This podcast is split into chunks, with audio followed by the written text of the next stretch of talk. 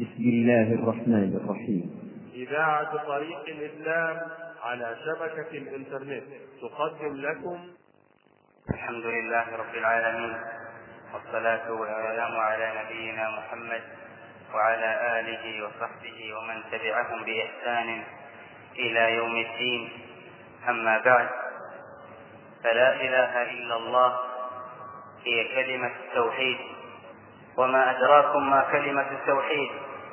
هذه الكلمة العظيمة والتي لو جعلت في كفة والسماوات السبع والأرضين في كفة لمالت بهن لا إله إلا الله. هذه الكلمة هي مفتاح الجنة. هذه الكلمة من أجلها أرسلت الرسل عليهم السلام. وما أرسلنا من قبلك من رسول إلا نوحي إليهم أنه لا إله إلا أنا فاعبدون. هذه الكلمة العظيمة من أجلها خلق الله الخلق ومن أجلها شرع الجهاد لإقامتها ومن أجلها قام سوق الجنة والنار. هذه الكلمة العظيمة جعل الله الثواب وهو الجنة لمن حققها والعقاب وهو النار لمن تركها. إنها العروة الوثقى. قال ابن القيم رحمه الله تعالى كلما عظم نور هذه الكلمة كلما عظم نور هذه الكلمة واشتد أحرق من الشبهات والشهوات بحسب قوته وشدته حتى إنه ربما وصل إلى حال لا يصادف معه شبهة ولا شهوة ولا ذنبا إلا أحرقه وهذا حال الصادق في توحيده الذي لم يشرك بالله شيئا. فأي ذنب أو شهوة أو شبهة جنت من هذا النور أحرقها فسماء إيمانه قد حرست بالنجوم من كل سارق لحسناته فلا ينال منها السارق إلا على غرة وغفلة لا بد منها للبشر. فإذا استيقظ وعلم ما سرق منه استنقذه من سارقه أو حصل أضعافه بكسبه. فهو هكذا أبدا مع لصوص الجن والإنس ليس كمن فتح لهم خزانته وولى الباب ظهره. أيها الإخوة أترككم مع فضيلة الشيخ عبد الرحمن بن ناصر البراك الدرس الثاني من الدروس المهمة لعامة الأمة. يقول سماحة الشيخ عبد العزيز بن عبد الله بن باز في كتابه هذا الدرس الثاني شهادة أن لا إله إلا الله وأن محمدا رسول الله بشرح معانيها مع بيان شروط لا إله إلا الله. الحمد لله. صلى الله وسلم وبارك على عبده ورسوله وعلى آله وصحبه ومن اهتدى بهداه. أما بعد فقد قال صلى الله عليه وسلم الإيمان بضع وستون شعبة. فأعلاها قول لا إله إلا الله. وأدناها إماطة الأذى عن الطريق. والحياء شعبة من الإيمان.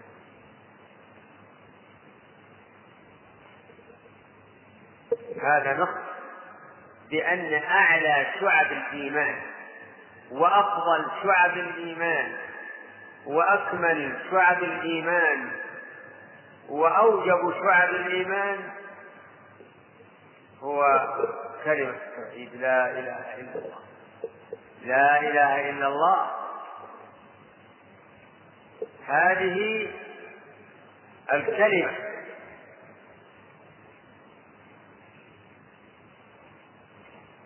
هي مدار دين الرسل. دين الرسل كلهم من أولهم إلى آخرهم.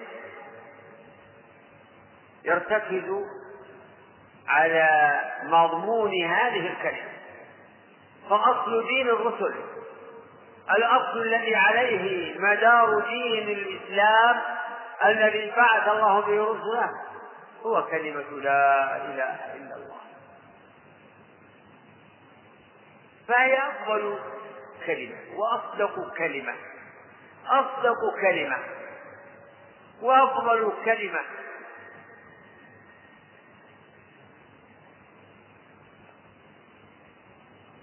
هي التي شهد الله بها لنفسه شهد الله أنه لا إله إلا هو والملائكة وأولو العلم قائما بالقسط. لا إله إلا هو العزيز الحكيم. وجاء عنه عليه الصلاة والسلام أنه قال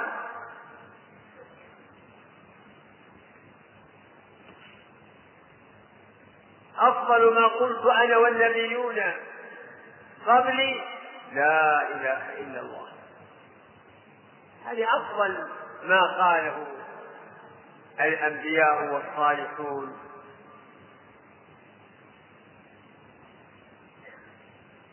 وهذا يرجع إلى مضمونها. مضمون هذه الكلمة. مضمونها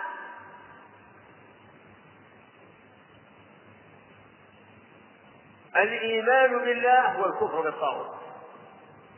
هذا مضمونه مضمونها إثبات الإلهية لله. فإنه الإله الحق. ونفيها عما سواه. هذا مضمون هذه الكلمة.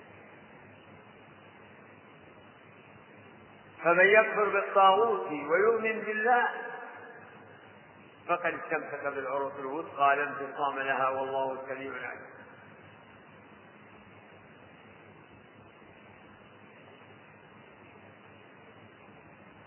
ومضمون هذه الكلمة أيضا إفراده تعالى بالولاء والحب. وبحب من يحب. والبراءة من من أعدائه المشركين وشركهم وآلهتهم. وإذ قال إبراهيم لأبيه وقومه إنني براء مما تعبدون. إلا الذي فطرني فإنه سيهدين. وجعلها كلمة باقية في عقبه لعلهم يرجعون. فهذه الكلمة تتضمن هذه البراءة. براءة من كل معبود بالباطل لا إله. لا إله أي كل إله سوى الله باطل. كما قال النبي ألا كل شيء ما خلا الله باطل؟ فهذه الكلمة قال فيها الرسول عليه الصلاة والسلام أصدق كلمة قالها الشاعر. كلمة الإسلام ألا كل شيء ما خلا الله باطل؟ فكل ما ما يدعى ويرجى ويخاف من الخلق فهو باطل. ذلك بأن الله هو الحق وأن ما يدعون من دونه هو الباطل وأن الله وأنه هو العلم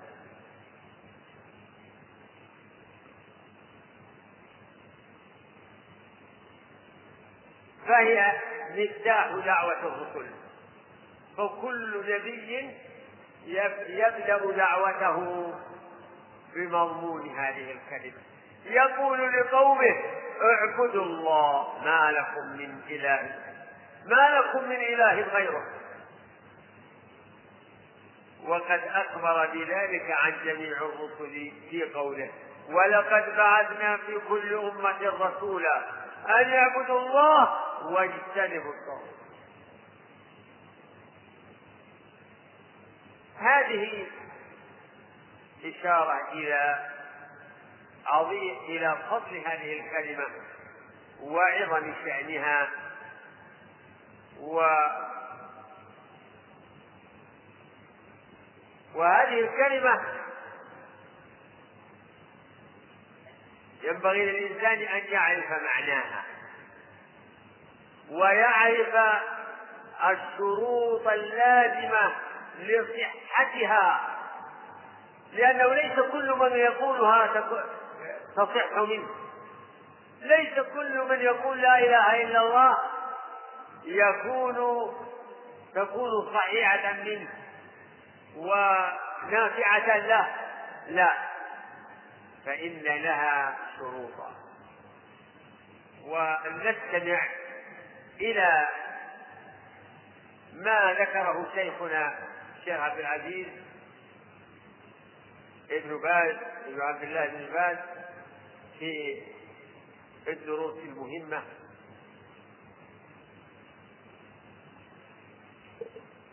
التي من أعظم هذه الدروس الكلام على معنى كلمة التوحيد وما يتعلق بها من الشروط. فتفضل. نعم. قال سماحته حفظه الله تعالى.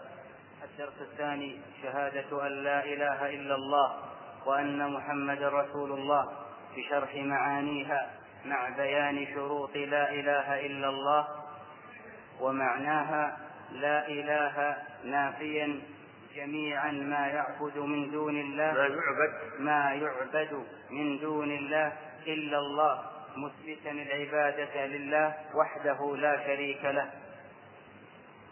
وأما شروط لا إله إلا الله نقف يا إخوان مع هذا النص جملة جملة حتى هذا معناه.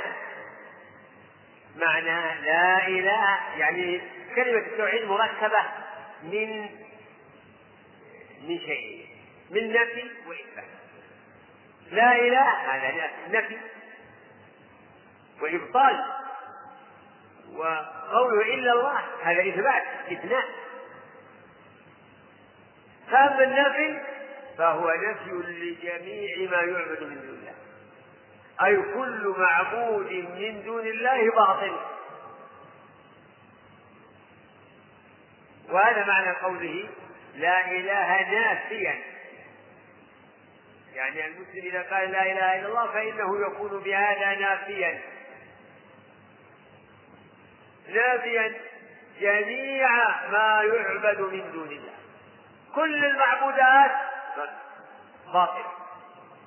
سواء كان المعبود ملكا أو نبيا أو صالحا أو أي إنسان أو جني أو شجر أو حجر أو قبر أو أي مخلوق أو شمسا أو قمرا كلها معبودات بالباطل. وقوله إلا الله هذا إثبات. معناه الله هو المعبود بحق. ولهذا يعبر عن معنى هذه الكلمة بقولك لا معبود بحق إلا الله. لا معبود بحق إلا الله. يعني كل معبود فليس معبودا بحق بل هو معبود بالباطل. إلا الله فإنه المعبود بحق. الله هو المعبود بحق. أي إنه هو المستحق للعبادة. وأما غيره فلا يستحق العبادة. لا يستحقها. لأن جميع لأن كل ما سوى الله مخلوق. مرغوب مدبر فقير. ومن هذه حاله لا يصلح للعبادة لا يصلح أن يعبد.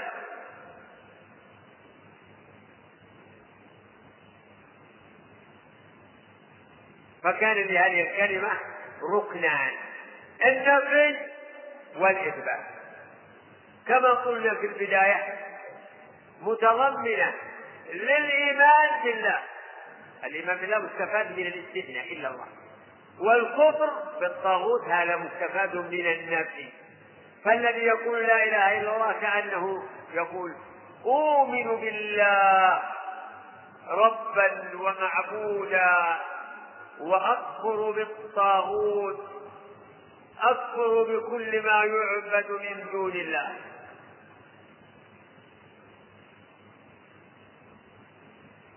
نعم الشروط وأما شروط لا إله إلا الله فهي العلم المنافي للجهل واليقين المنافي للشك والإخلاص المنافي للشرك والصدق المنافي للكذب والمحبة المنافية للبغض والانقياد المنافي للترك والقبول المنافي للرد والكفر بما يعبد من دون الله. وقد جمعت, في البيتين الآتيين علم يقين وإخلاص وصدقك مع وصدقك مع محبة وانقياد والقبول لها وزيد ثامنها الكفران منك بما سوى الإله من الأوثان قد أولها هذه شروط. شروط يعني الأمور التي لا بد منها لصحة الكلمة لصحة قول لا إله إلا مثل شروط الصلاة. الصلاة لها شروط. هل تصح الصلاة بلا طهارة؟ لا. هل تصح بلا بلا سترة؟ يعني سترة للعورة ستر العورة؟ لا. هل تصح الصلاة من غير استقبال للقبلة؟ لا. هذه شروط؟ من شروطها فكلمة التوحيد لها شروط. تتبعها العلماء وجمعوها فوجدوها ثمانية ثمانية شروط لكن بعضها أو أكثرها مستلزم لبعض. يعني إنها يستلزم بعضها بعضا. الأول العلم العلم بمعناه لا إله إلا الله لابد أن يكون المتكلم بها يعلم معناها أما إنسان يقول لا إله إلا الله وهو ما يدري معناها. مثل من ينطق كلمة أعجمية لا يدري. بس يحقق لسانه بما لا يدري معناه. قوله لا إله إلا الله مثل يعني أن يقول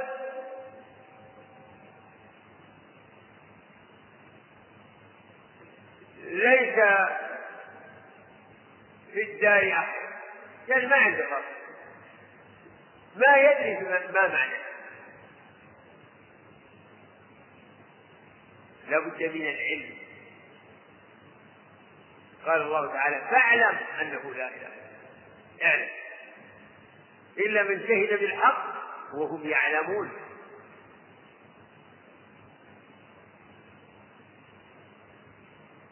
فهذا الشرط الأول. العلم المنافي للجهل. ضد العلم الجهل. فالناس قسمان منهم من يقولها وهو يعلم معناها ومنهم من يقولها وهو لا يدري عن معناها ولا وليس يعني ليس العلم بمعناها يعني ليس بشرط أن يكون آه، يعرف العبارات العلماء لكن يعرف إن إن كل ما يعبد معبود باطل. والله هو هو المعبود بحق إذا فهم هذا فهو يعلم معناها فهو يعلم معنى لا إله إلا الله ولو لم يعرف عبارات العلماء.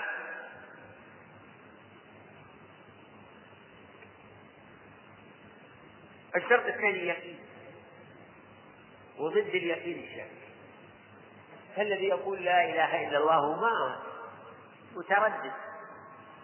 ما عنده علم راسخ ويقين جازم لا.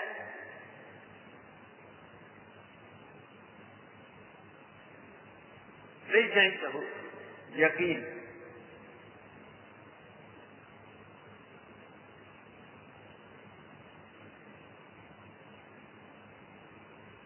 فإنها لا تنفعه لأنه شك ومن أنواع النفاق ومن أنواع الكفر الشك. كفر الشك ونفاق الشك. من النفاق ما سببه الشك شك التردد. واليقين هو الجزم. فشرط هذه الكلمة الجزم بمعناها أن يكون قائلها جازما. ما عنده ما عنده تردد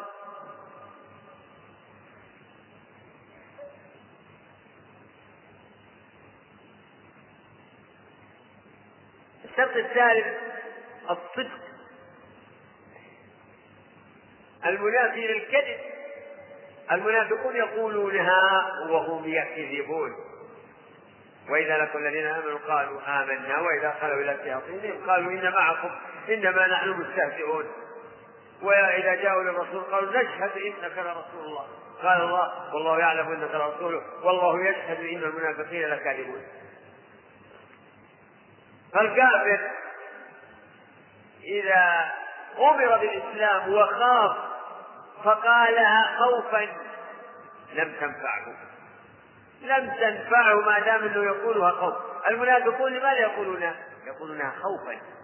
يقولونها خوفا من أجل حقن دمائهم لأنهم لو لو أظهروا كفرهم بها قتلهم المسلمون. وحكموا عليهم بالرده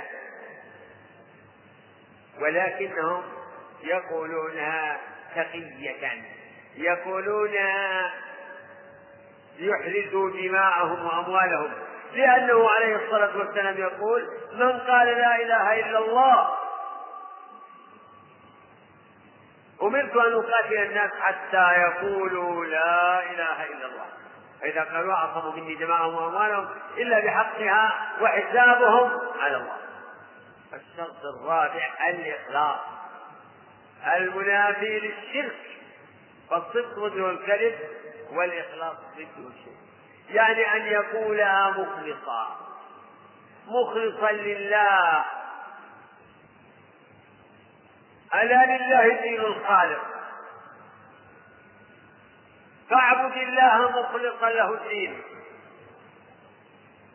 لا يقولها رياء بل يقولها مخلصا في ذلك لله. يقولها يريد بذلك وجه الله.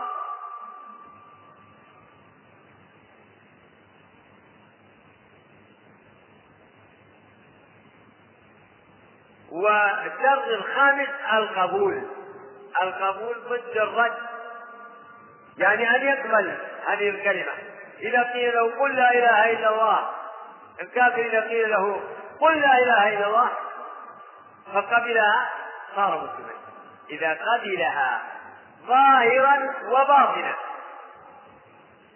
أما من قبلها ظاهرا فهو الكاذب. لأنه يقول بلسانه ما ليس بقلبه. وأما من ردها فهو كافر ولو كان يقر بها في الباطن إلا أن يكون مكرها إلا أن يكون مكرها. أبو طالب عم النبي صلى الله عليه وسلم كان النبي صلى الله عليه وسلم حريصا على هدايته. حتى في آخر الحياة حياته جاء وقد حضره الموت فصار يقول له يا عمي قل لا إله إلا كلمة يحاج لك عند الله. وكان عنده بعض جلساء السوء من المشركين. فقالوا لو أترغب عن ملة عبد المطلب ترغب عن ملة أبوك وجدك فحركوا فيه نعرة عصبية. فما زال النبي عليه الصلاة والسلام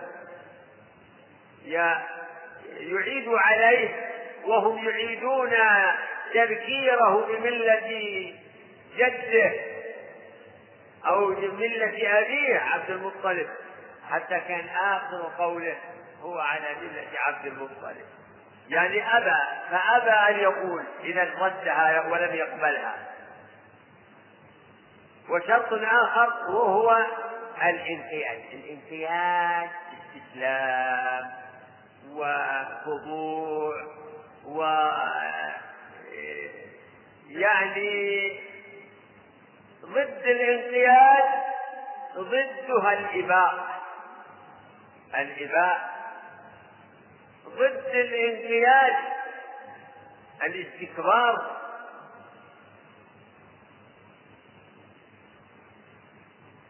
فلا بد أيضا من الانقياد أن يقولها منقادا مستسلما مطاوعا. لا يقولها أيضا مكرها لا يقولها منقادا. أما من قالها مكرها مكرها فإنها لا تنفع. وشرط آخر وهو الأخير الكفر بما يعبد من دون الله. لو أن شخص يقول لا إله إلا الله فإذا قيل له ما تقول لهؤلاء المشركين ومعبوداتهم؟ يقول ما علي منهم ما أدري عنهم. ما علي منهم. وشهم هم على حق ولا على باطل؟ يقول ما أدري عنه إذا كان ما يبرأ من المشركين ومعبوداتهم ولا ينكر ما هم عليه. فإنه لا ينفع. لا تنفع. وهذا شرط مهم. وهذا الشرط في الحقيقة هو مضمون لا إله. لا إله مضمونه. نفي كل معبود سوى الله. الكفر بما يعبد من دون الله. اعتقاد بطلان كل ما يعبد من دون الله. هذا هو مضمون النفس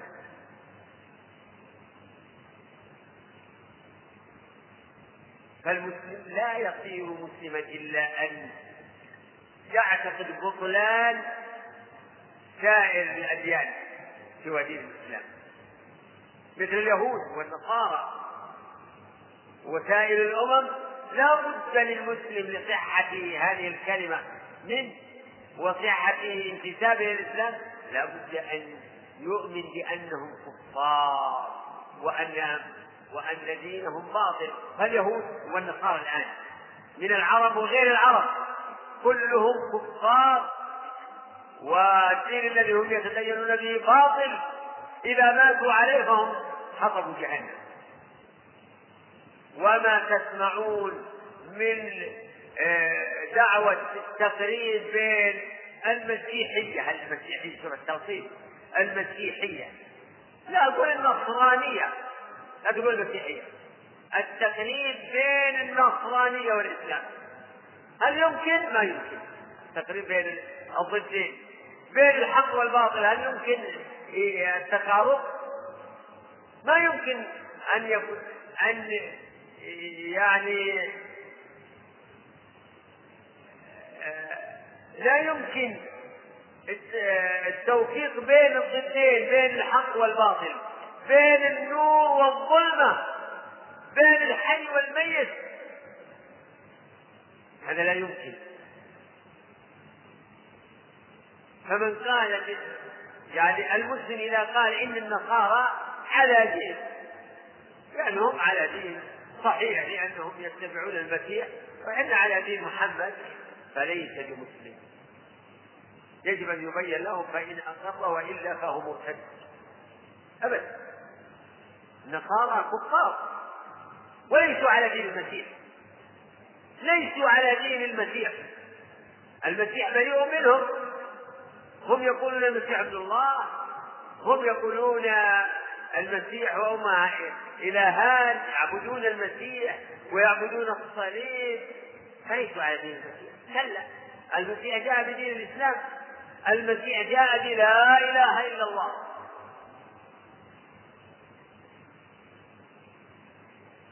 هذا يعني ما يسر من الكلام على شروط هذه الكلمة كما سمعت.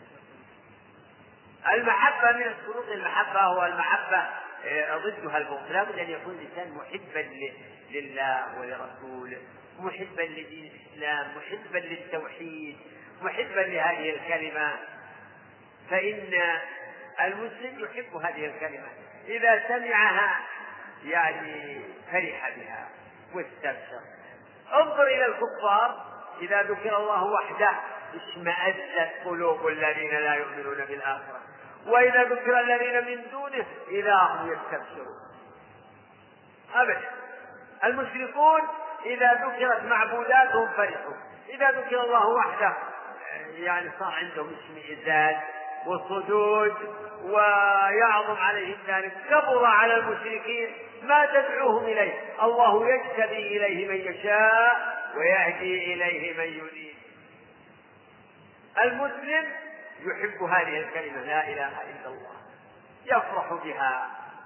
إذا سمعها من المؤذن أو غيره يقول لا إله إلا الله. ويبغض إذا ذكر له آه، آه، يعني دين المشركين اشمأز ونفر وأبغض وسأل الله العافية وحمد الله على نعمة الإسلام ونعمة التوحيد. أما المشرك فهو على النقيض كما ذكرت لكم كما قال الله تعالى وإذا ذكر الله وحده اشمأزت قلوب الذين لا يؤمنون بالآخرة. وإذا ذكر الذين من دونه إذا هم يستبشرون. يفرحون إذا ذكر معبودهم. يعني الذين يعبدون البدوي مثلا إذا ذكر البدوي تبلجت وجوههم. الرافضة إذا ذكر علي رضي الله عنه والحسن والحسين خاصة اهتزوا طربا وفرحا. لأنهم يعبدونهم يدعونهم يرجونهم يخافونهم. لكن إذا ذكر الله يعني ما هنا عادي. لكن علي ولهذا ذكرهم لعلي أكثر من ذكرهم لله. وإن ذكروا الله فهم يذكرونه وهم يعبدون معه غيره. وهذه حقيقة الشرك. عبادة غير الله مع الله. إذا فلا بد من محبة هذه الكلمة. وقلت لكم إن هذه المعاني متلازمة. يعني لابد متلازمة من آه، قبلها من قبلها وإنقاد لها فهو محب لها. ومن أحبها بصدق فلا بد أن يقبلها وأن يكون صادقا في قولها وأن يكون مخلصا. فهذه الشروط متلازمة والله أعلم. نعم. الدرس الثالث الدرس الثالث أركان الإيمان وهي أن تؤمن بالله وملائكته وكتبه ورسله وباليوم الآخر وتؤمن بالقدر خيره وشره من الله تعالى. تكلم عليه.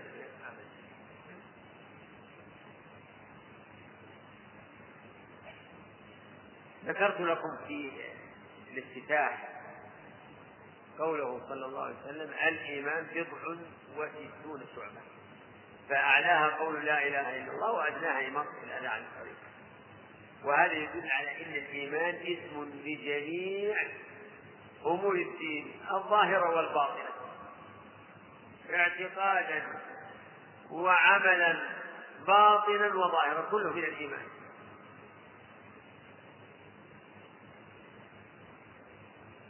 فجميع أمور الدين كلها إيمان فالصلاة من الإيمان والزكاة من الإيمان والصيام من الإيمان والحج من الإيمان والجهاد من الإيمان وبر الوالدين من الإيمان والأمر بالمعروف من الإيمان وصلة الأرحام من الإيمان والصبر والصدق والعفاف كل ذلك من الإيمان والحياء من الإيمان الحياء شعبة من الإيمان والإحسان إلى الخلق من الإيمان وإماطة الأذى عن الطريق من الإيمان. ولكن الإيمان يطلق يعني يأتي بالنصوص مرادا به هذا المعنى العام. يأتي بالنصوص عاما لجميع أمور الدين الظاهر والباطن. ويأتي مرادا به مرادا به الاعتقاد. خاص. الاعتقاد. فهذا هو المعنى الخاص. وهذا هو الذي فسر به النبي صلى الله عليه وسلم عن الإيمان لجبريل لما قال له أخبرني عن الإسلام ذكر له المباني الخمسة. ثم قال أخبرني عن الإيمان. فقال تؤمن بالله وملائكته وكتبه ورسله واليوم الآخر وبالقدر خيره وشره. هذا هذا تعريف الإيمان بالمعنى الخاص بالمعنى الخاص. وهذا تسمى عند العلماء أصول الإيمان وأركان الإيمان. فلو سألنا وقلنا ما هي أصول الإيمان؟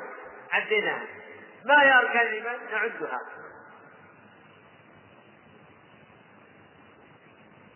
وهذا اعتقاد لا بد منه لكل مكلف. لا بد من الإيمان على سبيل الإجمال بهذه الأصول. فهذه عقيدة هذه العقيدة الحقة وهي عقيدة أهل السنة والجماعة إجمالا.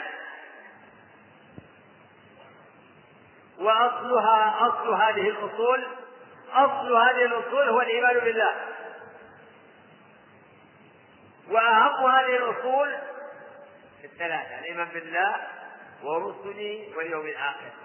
فإن الله كثيرا ما يجمع هذه الأصول ويذكرها. الإيمان بالله ورسله واليوم الآخر. الأصول الإيمان بالله هذا هو الأصل. والإيمان بالرسل يتضمن الإيمان بكل ما أخبروا به. من آه، الملائكة وغير ذلك. والإيمان باليوم الآخر صحيح أنه يدخل في الإيمان بالرسل لأن الرسل أخبروا عن اليوم الآخر. لكن للتنصيص عليه أهمية ولهذا كثيرا ما يقرن الله بينه وبينه بين الإيمان به والإيمان باليوم الآخر.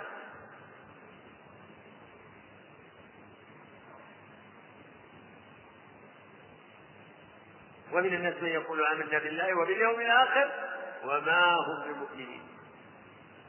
لا يستأذنك الذين يؤمنون بالله واليوم الآخر. إنما يستأذنك الذين لا يؤمنون بالله ولا باليوم الآخر. والآيات في هذا كثيرة. يا أيها الذين آمنوا لا تبطلوا صدقاتكم بالمن والأذى. كالذي ينفق ماله رئاء الناس ولا يؤمن بالله واليوم الآخر.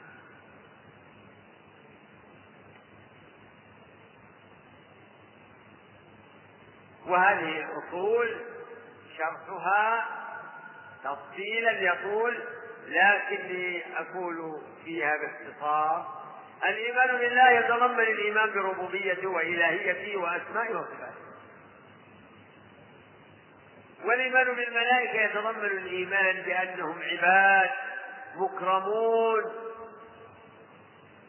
خاشعون خاضعون لربهم سبحانه وتعالى. لا يسبقونه بالقول وهم بأمره يعملون. يعلم ما بين أيديهم وما خلفهم ولا يشفعون إلا لمن ارتضى وهم من خشيته مشركون وهم من عالم الغيب عالم الغيب وهم كثير كثير. وما يعلم جنود ربك إلا هو وما هي إلا ذكرى للبشر. يدخل البيت المعمور في كل يوم منهم سبعون ألف ملك لا يعودون إليه.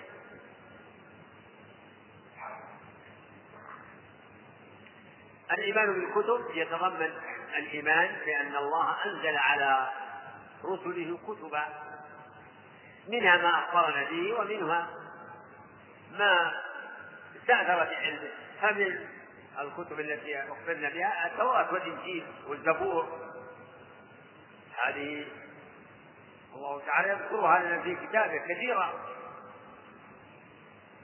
الله لا إله إلا هو الحي القيوم نزل عليك الكتاب بالحق مصدقا لما بين يديه من الكتاب. مصدقا لما بين يديه. وأنزل التوراة والإنجيل من قبل هدى للناس وانزل الفرقان فنحن نؤمن بهذه الكتب إجمالا وتفصيلا. والتوراة والإنجيل التي نؤمن بها هي التوراة التي أنزلها الله على موسى والإنجيل الذي أنزله الله على عيسى. وأما التوراة والإنجيل التي في أيدي النصارى في أيدي اليهود والنصارى فهي الآن فتلاعبوا فيها وحرفوها وزادوا ونقصوا وحرفوا معانيها. وفيها يعني فيها حق كثير وأدخلوا فيها باطل. ولكن الله أغنانا عن ذلك كله بكتابه المحفوظ. بكتابه المحفوظ القرآن. إنا نحن نزلنا الذكر وإنه له لحافظون. ولا بد أيضا والأصل الرابع الإيمان بالرسل. فلا بد من الإيمان بأن الله أرسل إلى عباده رسلا. وهم وهم من خيرة خلقه. اصطفاهم الله لرسالاته. الله يصطفي من الملائكة رسلا ومن الناس. فالرسل مصطفون مصطفون. قل قل الحمد لله وسلام على عباده الذين اصطفى. وفي الآية الأخرى وسلام على المرسلين. والحمد لله رب العالمين. والله سمى لنا بعضهم كانوا وهود وصالح وشعيب وموسى وهارون وإلياس ويونس. في آخرين.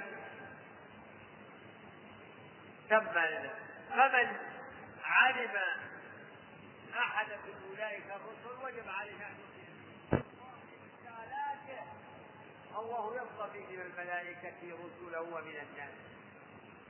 الرسل مصطفون مصطفون قل قل الحمد لله وسلام على عباده الذين اصطفى.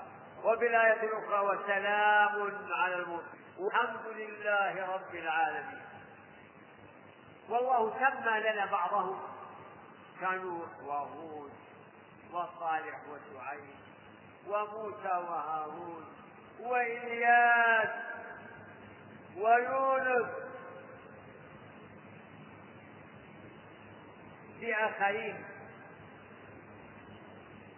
سمى فمن علم أحدا من أولئك الرسل وجب عليه أن يؤمن به. يجب عليه أن يؤمن به. وإلا فالواجب هو الإيمان بهم على سبيل الإجمال والعموم. ورسلا قد قصصناهم عليك من قبل ورسلا لم نقصصهم عليك. وكلم الله موسى تكليما. رسلا مبشرين ومنذرين لئلا يكون للناس على الله حجة بعد الرسل. كان الله عزيزا حكيما. والأصل الخامس الإيمان باليوم الآخر. لا بد من الإيمان باليوم الآخر. والإيمان باليوم الآخر هو يوم البعث والنشور. يوم يقوم الناس لرب العالمين. قل إن الأولين والآخرين لمجموعون إلى ميقات يوم معلوم. ويدخل في الإيمان باليوم الآخر الإيمان بكل ما يكون بعد الموت. من فتنة القبر وعذاب القبر ونعيم القبر. كل ذلك داخل في الإيمان باليوم الآخر. فمن الإيمان باليوم الآخر الإيمان بكل ما يكون بعد الموت. من الفتنة والعذاب والنعيم. ثم يعني تقوم القيامة الكبرى إذا جاء أجلها تقوم فيبعث الناس من قبورهم ويحشرون ويحاسبون ويجزون على أعمالهم فريق في الجنة وفريق في السعير الأصل السادس الإيمان بالقدر. والإيمان بالقدر لا يتحقق أبدا حتى تؤمن بأن الله علم ما يكون قبل أن يكون. وعلم ومن ذلك أنه علم أفعال العباد. أنه علم ما ما العباد فاعلون. فإنه تعالى كتب مقادير الخلق قبل أن يخلق السماوات والأرض بخمسين ألف سنة. وما كتبها إلا وقد علمها بعلمه السابق بعلمه الذي لا يزول لا بد من الإيمان بأن الله علم ما يكون قبل أن يكون علم كل شيء. وأنه كتب مقادير الخلق. فأفعال العباد معلومة له وقد كتبها عنده في اللوح المحفوظ والأمر الثالث الإيمان بعموم المشيئة. وهو أنه وهو أنه لا يخرج عن مشيئة الله شيء لا يخرج عن مشيئة الله شيء كل ما يجري في الوجود فهو بمشيئته. من خير وشر. ولهذا قال وتؤمن بالقدر خيره وشره. يعني تؤمن بأن الله قدر مقادير كل شيء من خير وشر. والأمر الرابع الإيمان بأن الله خالق كل شيء فكل من سوى الله مخلوق والله تعالى هو الخالق. وصفاته صفاته ليست مخلوقة بل صفاته تابعة له. ولا يقال إن, إن إنه مخلوق. بل القرآن كلام الله. حقيقة نزل من عند الله. منزل غير مخلوق منه بدا وإليه يعود فالإيمان بالقدر لا بد فيه من أربعة أمور. الإيمان بعلم الله السابق اثنين كتابته الإيمان بكتابته تعالى لمقادير الأشياء. الثالث الإيمان بعموم مشيئته. أي إن مشيئة الله عامة لا يأخذ منها شيء. فما شاء كان وما لم يشاء لم يكن. والأمر الرابع الإيمان بعموم الخلق. وهو الإيمان بأن الله خالق كل شيء.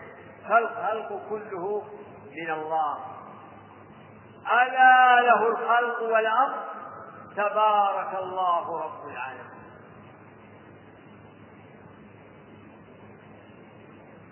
هذه إشارات إلى معنى هذه الأصول أصول الإيمان وأركان الإيمان التي دليلها في آيات كثيرة.